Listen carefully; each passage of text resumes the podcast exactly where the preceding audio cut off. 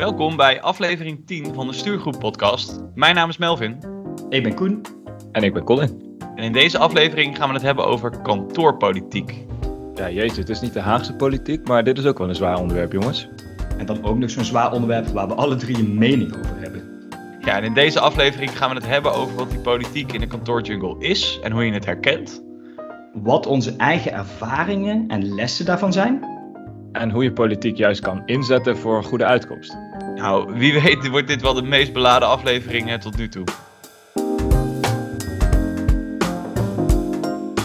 Een aflevering van de Stuurgroep Podcast kan natuurlijk niet beginnen zonder stil te staan bij de kantoorjargon boetepot. En dan vooral de nieuwe aanwinsten voor op de inmiddels lange lijst van kantoorjargon. Alle kantoorjargon vind je natuurlijk onder het kopje boetepot op onze website www.destuurgroep.nl. En iedere keer dat we een woord van die steeds langer wordende lijst gebruiken, gaat er een euro in de boetepot. En we hebben weer wat pareltjes voorbij horen komen hoor. Zo wilden collega's bij mij elkaar aanschieten. En Koen, jij was in de vorige podcast vooral ook de aanjager. Ja, dat eerste aanschieten, dat is natuurlijk niks meer dan gewoon even iemand aanspreken. Dus echt onzin dat we daar uh, kantoorjargon voor gebruiken. En Koen, volgens mij ben jij gewoon een soort Uber-cheerleader in je team. Iedereen lekker aanjagen. ja, ja, een beetje het enthousiasme erin brengen, iedereen aanmoedigen. Uh, toch fijn dat we een uh, visuele component aan de podcast nu hebben toe kunnen voegen. Mij als cheerleader. Dat is ook een kunst. Ja, maar dan toch even door naar de harde euro's. De stand van deze week is 49 euro.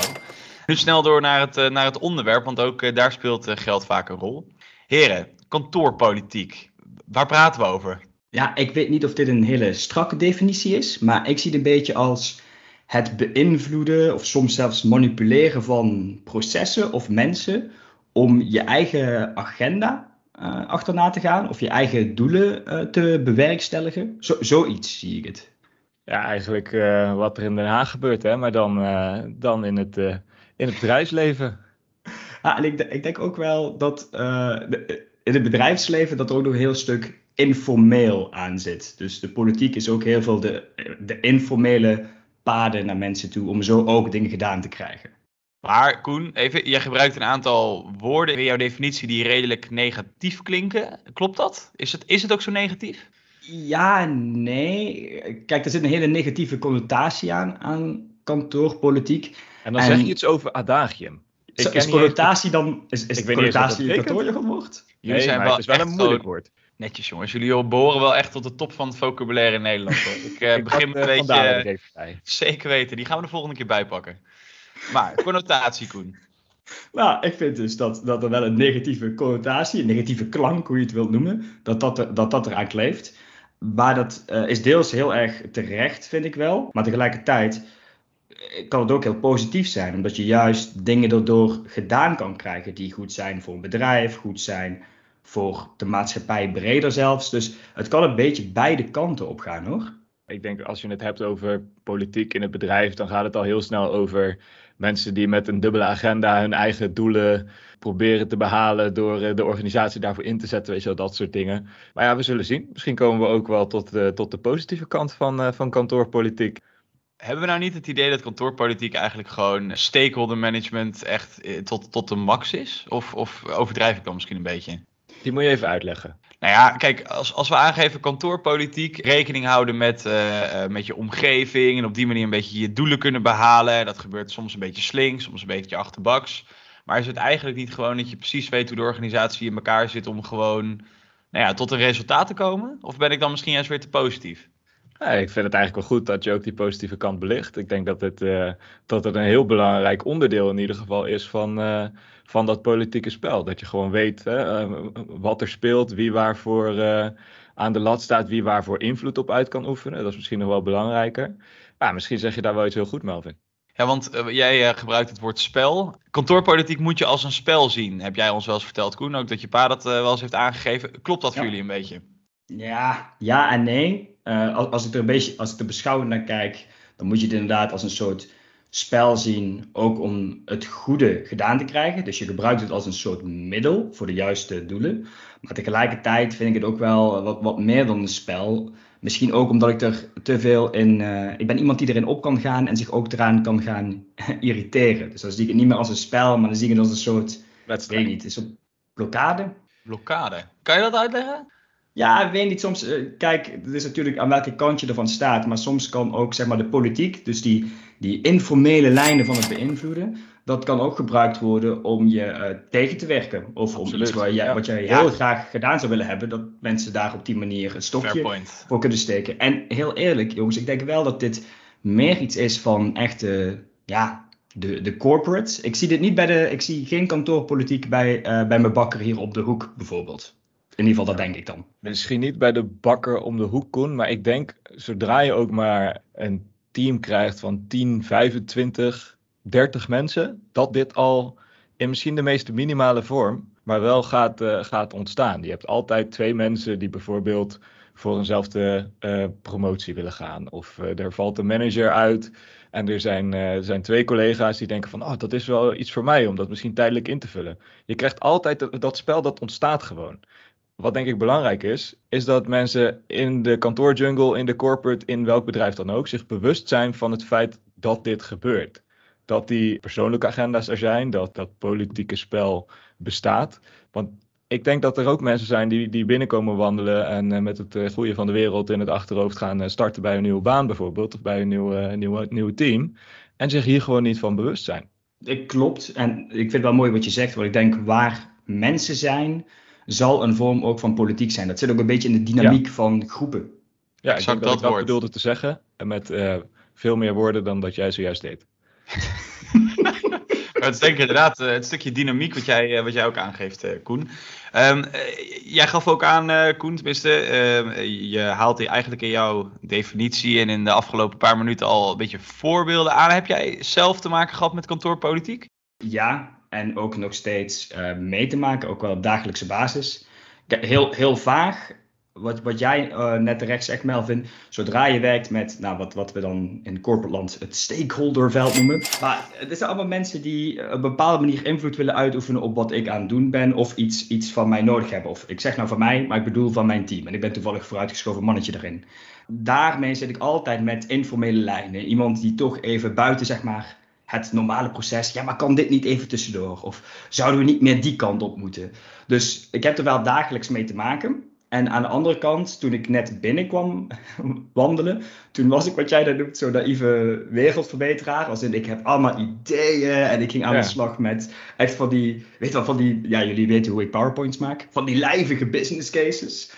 En dan, en dan had ik nog een idee van, ja, en nu echt staande ovaties voor me. En wat ik, had Flauw, ik had geen flauw idee wat de belangen van iedereen waren. En er waren mensen die dachten, wat een, wat een bullshit idee. Daar gaan we zo voor liggen. En ik had gewoon niet door waarom ze dat deden. En ik had in de hele tijd niet door hoe ze dat deden. Ja, dat is wel een pijnlijke, maar een goede les geweest. Dat is ook wat ik meeneem in mijn coaching, zeg maar, richting twee startende collega's. Is dus niet alleen maar van, joh, dit is hoe ons inhoudelijk werken uitziet. Maar vooral eigenlijk de hele gedragscomponent. En welkom bij een groot bedrijf. Dit is hoe het daar hier aan toe gaat. Dat is zeg maar 70% van mijn, van mijn coaching richting hun. Omdat ik het belangrijk vind dat, dat ze zich daar bewust van zijn. Zodat ze het ofwel in kunnen zetten voor zichzelf of voor een team. En als het een keer de andere kant van de medaille is, dat ze dan ook weten van oké, op dit moment spelen er dus misschien tegenstrijdige belangen. Dat je het gaat herkennen, dat je ook ja, op een gegeven moment gaat leren hoe je daarmee, daarmee om moet gaan. Netjes, Colin, want eigenlijk de lessen die jij een beetje de laatste jaren hebt opgedaan, die geef jij door aan jouw. Uh, Absoluut. Nou ja, De, de introducees in de kantoorjungle, Koen. Uh, geef jij jouw waardevolle lessen ook door aan, aan nieuwe collega's? Ja, uh, enerzijds aan nieuwe collega's, want zeg maar, uh, omdat ik zelf een traineeship heb gedaan aan nieuwe trainees die, die starten.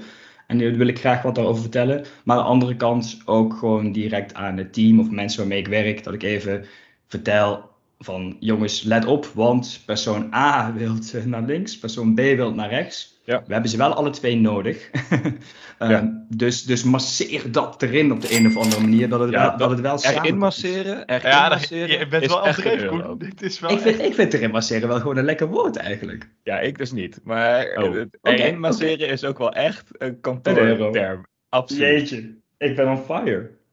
Maar Melvin, hoe, hoe is het voor jou? Want jij hebt natuurlijk een andere hiërarchische rol dan wat Colin en ik hebben. Nou ja, kijk, en wat jij aangeeft is denk ik wel een goed voorbeeld, Koen. Kijk, het gaat erom dat je een stukje bewust bent van hoe, je, hoe de organisatie werkt. En uh, vanuit een hiërarchische rol zie je misschien net weer wat andere dingen gebeuren dan dat bijvoorbeeld je team ziet. En ik denk dat daarin het meest belangrijk is dat je wel bij elkaar gewoon zeker als je met elkaar dezelfde doelen wil behalen, dat je blijft communiceren van hé hey jongens, het is wel goed om inderdaad wat jij ook zegt, die persoon wil dit, die persoon wil dat, hé hey, wij willen dit. Volgens mij als we daar, uh, als we dat nou eens eventjes goed bij elkaar uh, leggen, dan gaat dit helemaal goed komen. Alleen je moet daar wel over blijven communiceren, ook met je team, om ook gewoon resultaten te behalen. En ja, je kan het kantoor politiek noemen. Uh, een van jullie gebruikte net het woord dynamiek. Ja, ik denk dat dit gewoon de dynamiek is waar wij in, in werken. En ook op die manier probeer ik de gesprek ook wel met het team uh, aan te gaan. Gewoon bewust zijn van wat er om je heen gebeurt. Volgens mij is daar een heel fancy woord voor waar ik geen euro voor wil terughoren, maar organisatiesensitiviteit.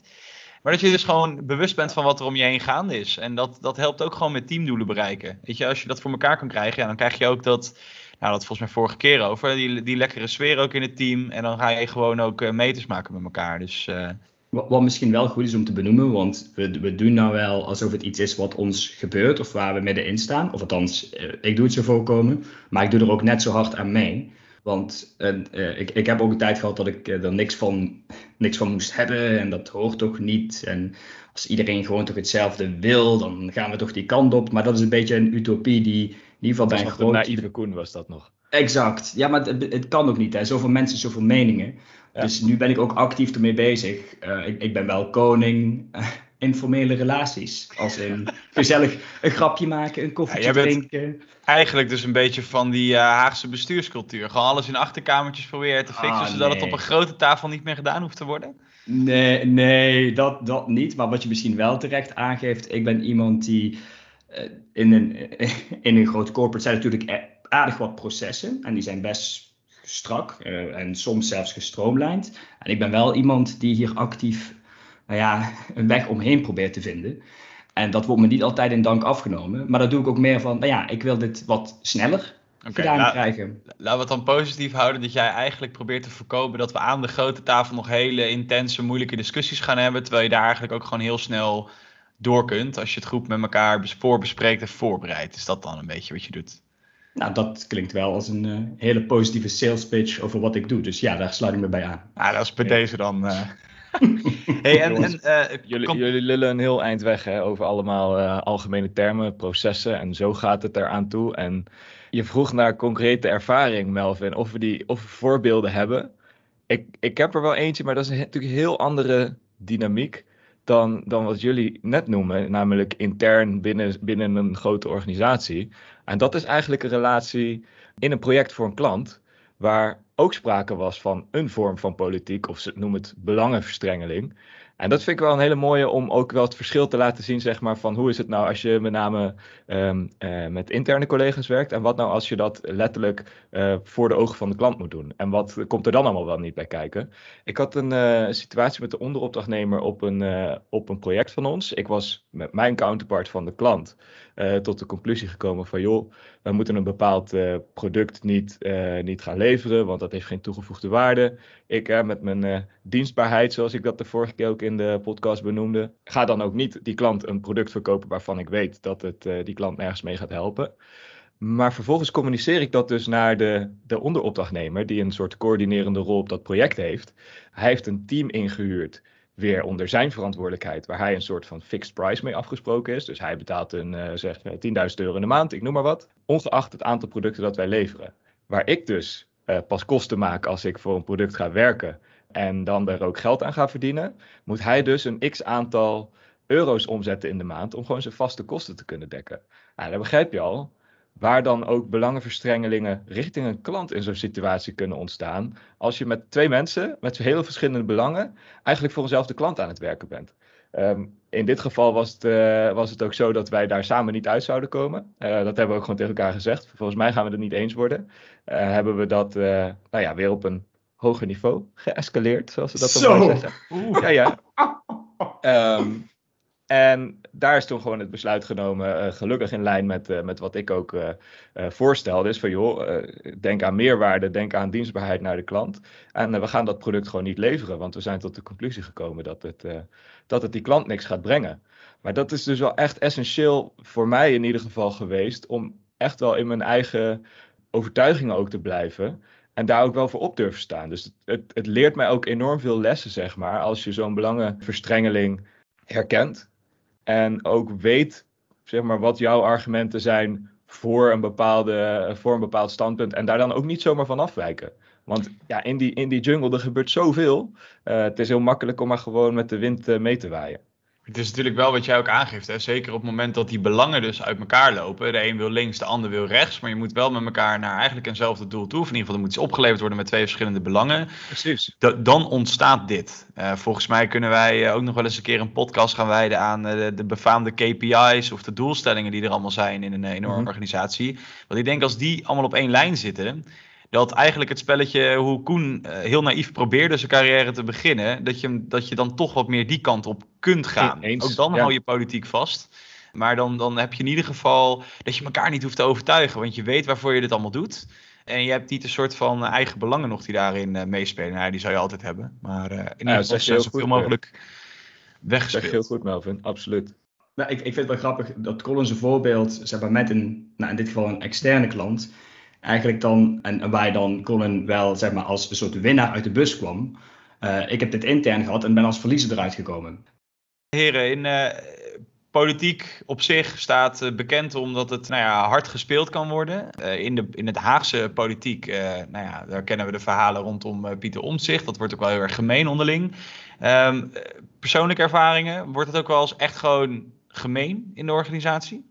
In mijn situatie eigenlijk niet. En daar waak ik zelf ook altijd enorm voor. Dat het geen waardeoordeel wordt van mijn kant. Maar gewoon stating the facts. En, en dit is wat het met mij doet. En als wij uh, dit doen, dan heeft dat een objectief effect zeg maar, op een klant. Deze impact heeft een keuze. Deze impact heeft bepaald gedrag van mensen. En daar vervolgens geen waardeoordeel aan verbinden. Want als het echt in dat subjectieve gaat belanden. Ja, dan krijg je een beetje zo'n schoolpleindiscussie, weet je wel. Zo'n wel eens niet discussie. En dat wil ik juist voorkomen. We hebben al te maken af en toe met conflicterende belangen. Als we daar ook nog allerlei oordelen over gaan vellen, ja, dan ben je helemaal, en dan is het einde helemaal zoek wat mij betreft. Theoretisch ben ik het daar helemaal mee eens. In de praktijk zie ik wel wat anders. Want dan, dan gebeurt het toch dat je, weet ik wat, zo'n overleg uitloopt en daarna met iemand over hebt. Ja, maar hij of zij gaat wel altijd dit of dat doen. En hij gaat er altijd voor liggen of wil altijd die andere kant op. Daar moeten we, moeten we echt uh, maar, maar wat aan doen dat, dat hij of zij nu meegaat. Dus je krijgt wel dat dat persoonlijke, ja, niets menselijks is ons vreemd. Hè? Dus dat persoonlijke zit er wel tot een bepaalde manier wel altijd bij, maar niet Melvin wat jij zegt, zoals uh, in Den Haag met om zich gebeurt dat het ook echt keihard op de man wordt gespeeld. Ja, want je krijgt dus eigenlijk, men krijgt een beetje een imago in hoe je dit spel speelt. De ene zal misschien ja. gezien worden als ja. een, hè, met veel invloed, de ander zal gezien worden als degene die er altijd, die er altijd voor ligt. Als wij nou eens dan de junior Koen, en dat is eigenlijk wel een heel flauw grapje, want Koen zal een paar jaar geleden niet heel veel, uh, niet heel veel kleiner zijn geweest. Uh, maar als wij de junior Koen zouden mogen adviseren. Koen komt binnen, corporate, eerste dag. Uh, hoe ga je er in godsnaam zo snel mogelijk achter komen hoe die politiek werkt? Zo, ja, op het begin, wat, wat mij uiteindelijk heel erg geholpen heeft, wat ik dus niet heb gedaan, maar zou moeten doen. twee dingen. Eén, met directe collega's. Dus in, informeel, gewoon gezellig samen zitten.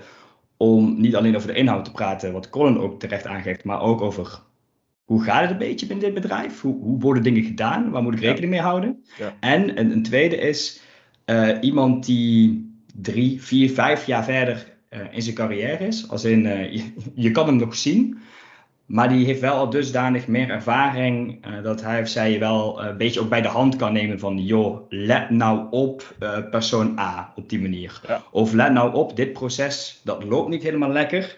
Maar dat kun je versnellen als je heel even met die dag gaat kletsen. Weet ik veel. Ja. Uh, dat, dat, dat zou junior Koen heel erg geholpen hebben. Ja, maar dit is dus wat jij zegt, Koen. Precies wat ik probeer te brengen naar die, naar die collega's van me. En, en als ze dit horen, dan hoop ik ook dat ze mij herkennen in dat wat jij net uh, beschrijft. Omdat ik dat zelf ook best wel gemist heb. Nu wel uh, ook een aantal collega's heb waar ik me dan weer aan op kan trekken, zeg maar, weer, die nu weer drie, vier, vijf jaar verder zijn eh, dan ik.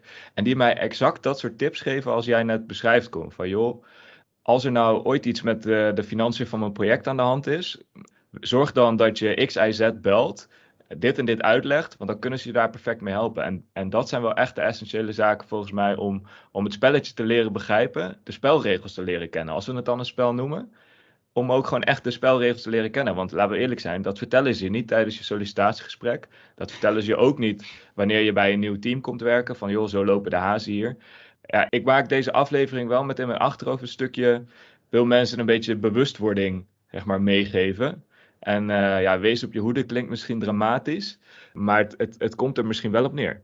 Nou ja, dat is wel leuk hoe jij dat, hoe jij dat zegt. Want uh, op het moment dat ik bijvoorbeeld nu met nieuwe collega's die, team, uh, die bij mij in het team komen, of die zelfs misschien van buitenaf komen, ook in een sollicitatiegesprek, ja. probeer ik niet zozeer, tuurlijk, weet je, de, wat diegene kan, dat blijkt ook uit de cv, daar moet je ook zeker vragen over stellen. Maar wat ook vooral altijd een goede vraag is om mee te nemen, is of deze persoon ook dat spel kan spelen. Of die er ook in past. Want ik hoor eigenlijk bij jullie ook beide terug dat jullie mensen die binnenkomen al meteen voeden met hoe het is. En ze vooral helpen om dat spel te gaan spelen. Niet om nog een soort van de, de, naïeve, de naïveling te zijn die zegt we gaan de wereld in deze organisatie veranderen. We gaan die cultuur eens helemaal anders uh, inrichten. Mm. Eigenlijk hoor ik jullie wel zeggen uh, we gaan meedoen op dit spel. Alleen we gaan er wel voor zorgen dat we het spel efficiënter kunnen spelen. Of misschien wat meer naar onze stijl, onze hand. Maar we hebben niet de intentie om dat spel uit de organisatie te krijgen. Of voor ik dat verkeerd?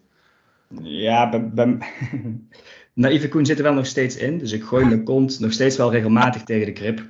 Uh, en dat, ik, ik leg het wel, zoals ik net zei, uit aan nieuwe collega's of aan het team. Van hou daar rekening mee. Maar tegelijkertijd zit bij mij ook echt een waardeoordeel erin maar ik wil niet dat het zo gaat. Ik zou graag zien dat, het op die en die manier gaat. Zou je me willen helpen om dat te veranderen? Ja, En dat, dat, dat, uh, dat gaat niet zonder slag of stoot. En in die, in die, zin is misschien ook een hele goede tip. De, de mensen waar ik de meeste discussie mee heb, dus waar misschien het, ja, het minste mee kan vinden, of in ieder geval, we gaan wel door één deur, maar het past maar net. Daar ga ik heel veel mee om. En dat, dat helpt wel ontzettend. Want ik geloof er wel in. close dat, and your enemies closer, toch?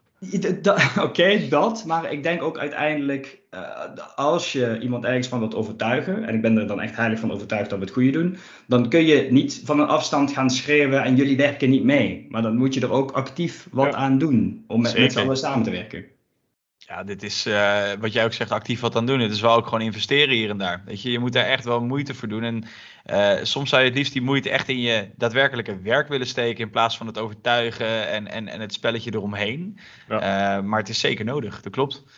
En eigenlijk geef je al een beetje een, een, een tip mee, hè, hoe je mee om te gaan, Koen. Colin, hoe, hoe, ja, tips om hier gewoon, ja, om deze kantoorpolitiek te overleven eigenlijk. Ja, je had, je had mij wel toen jij uh, zei, uh, quote-unquote, organisatiesensitiviteit.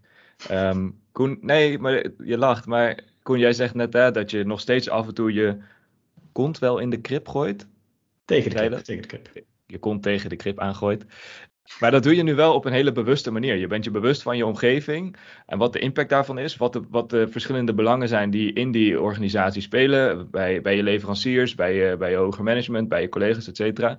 Of de teams waar jullie dan weer verder mee werken. En dat maakt dat je heel bewust ervoor kan kiezen om af en toe even ergens een verandering in proberen aan te brengen. Dus die eh, investeren in die sensitiviteit, echt daarin investeren en ook mensen om je heen verzamelen die je daarbij kunnen helpen. Uh, want dit ga je in je eentje denk ik niet uitvinden. Dan ga je te vaak uh, uh, tegen de lamp lopen, ben ik bang. Dat zou wel mijn belangrijkste tip zijn om jezelf mee om te gaan. Ja, netjes. Ik, ik, ja, ik kan hier eigenlijk alleen maar, ook om een beetje richting het einde te gaan van, van de podcast, ook in het kader van een do of een don't die wij kunnen meegeven aan onze luisteraars. En die van mij sluit wel heel erg aan op wat jij aangeeft. Um, luister, laat maar zeggen, ook naar mensen die, die al wat langer in de organisatie zitten. Wees niet die spuit 11, of in ieder geval, die spuit 11 moet je zeker zijn, maar niet te lang.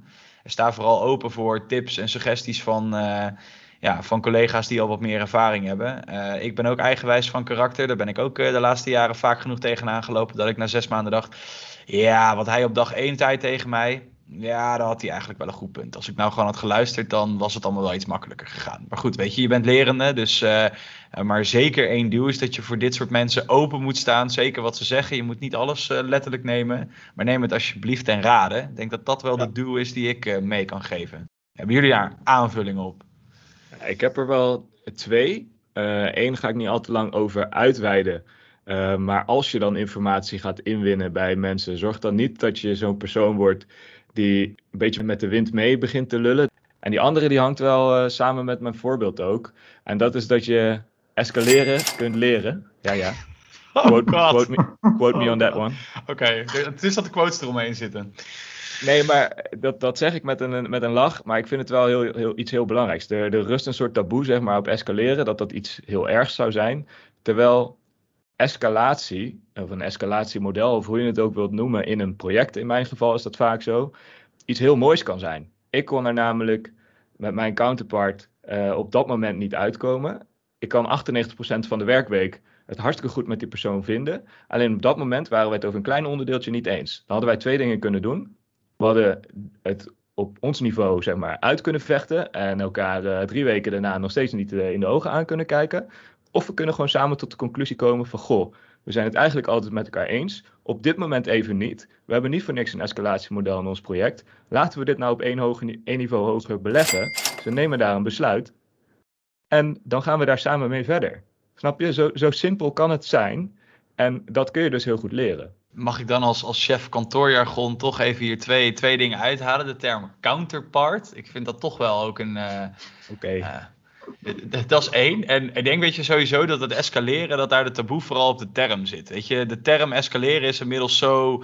Ja, uh, we hebben het vaak over braken en emmertjes. Daar gaat het gewoon niet heel goed op, denk ik. Want wat jij zegt, dat klopt zeker. Ik bedoel, er zijn niet voor niks hiërarchische lijnen in een organisatie. Ja. Uh, niveaus waarop besluiten genomen moeten worden. Ja, weet je, alleen je moet wel met elkaar kunnen constateren wanneer het jouw moment is om die call te maken met elkaar. En ja. wanneer die uh, naar iemand anders zou moeten. En als je dat escaleren noemt, dan ben ik het volledig met je eens. Dat, dat noem ik escaleren en dat is misschien bij gebrek aan een beter woord, maar dan weet in ieder geval iedereen wat ik bedoel. Mijn don't hangt daar heel sterk mee samen en die, die volgens mij noemde ik die ook al toen ik mijn uh, voorbeeld ook uh, deelde. En dat is wanneer je dan escaleert, dat je dat volledig vermengt met je mening over een persoon en allerlei subjectieve waardeoordelen, ja, dan gaat er natuurlijk ook nooit een, uh, uh, dan gaat het nooit werken. Je moet dat echt wel objectief houden en gewoon zeggen van, joh, luister, dit zijn de feiten, hier zijn we het niet over eens en daar hebben we een besluit over nodig, want dat gaat ons hier en hierbij helpen. Echt voorkom uh, dat kantoorpolitiek of escaleren dat dat persoonlijk wordt, dan ga je niet verder komen, ben ik bang. Dit klinkt allemaal zo wijs en nou, eigenlijk wil ik gewoon iets totaal anders erin brengen. En dat is, wees af en toe ook nog naïeve Koen. Flikker af en toe eens wat om, gooi de kont tegen de krip. Of doe eens even wat totaal niet erin past. En wat Colin ook eerder zegt, ik doe het wel met, met beleid. Ik doe het ook niet meer zo onbezonnen als wat ik het deed. Maar af en toe dan, uh, dan hoort dat er ook bij als je een beetje dingen wilt veranderen. Ik vind dit een uh, mooie, mooie combinatie van suggesties en tips, uh, heren. Thanks daarvoor. En dan gaan we er wat mij betreft een einde aan maken. Colin, breng jij de afsluiter er even in. Ja, vond je dit nou een toffe aflevering? Vergeet de Stuurgroep podcast dan niet te volgen op Spotify. Ik zei vorige week al dat wij, als het goed is, ook op Apple Podcast te horen zouden zijn. Nou, je raadt het niet, maar ook deze stuurgroep heeft nog steeds te maken met digitale issues. Dus dat laat helaas nog even op zich wachten.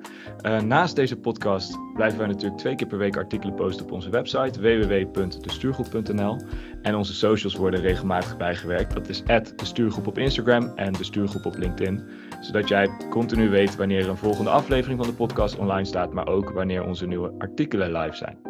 Voor nu zou ik zeggen bedankt voor het luisteren en tot volgende week.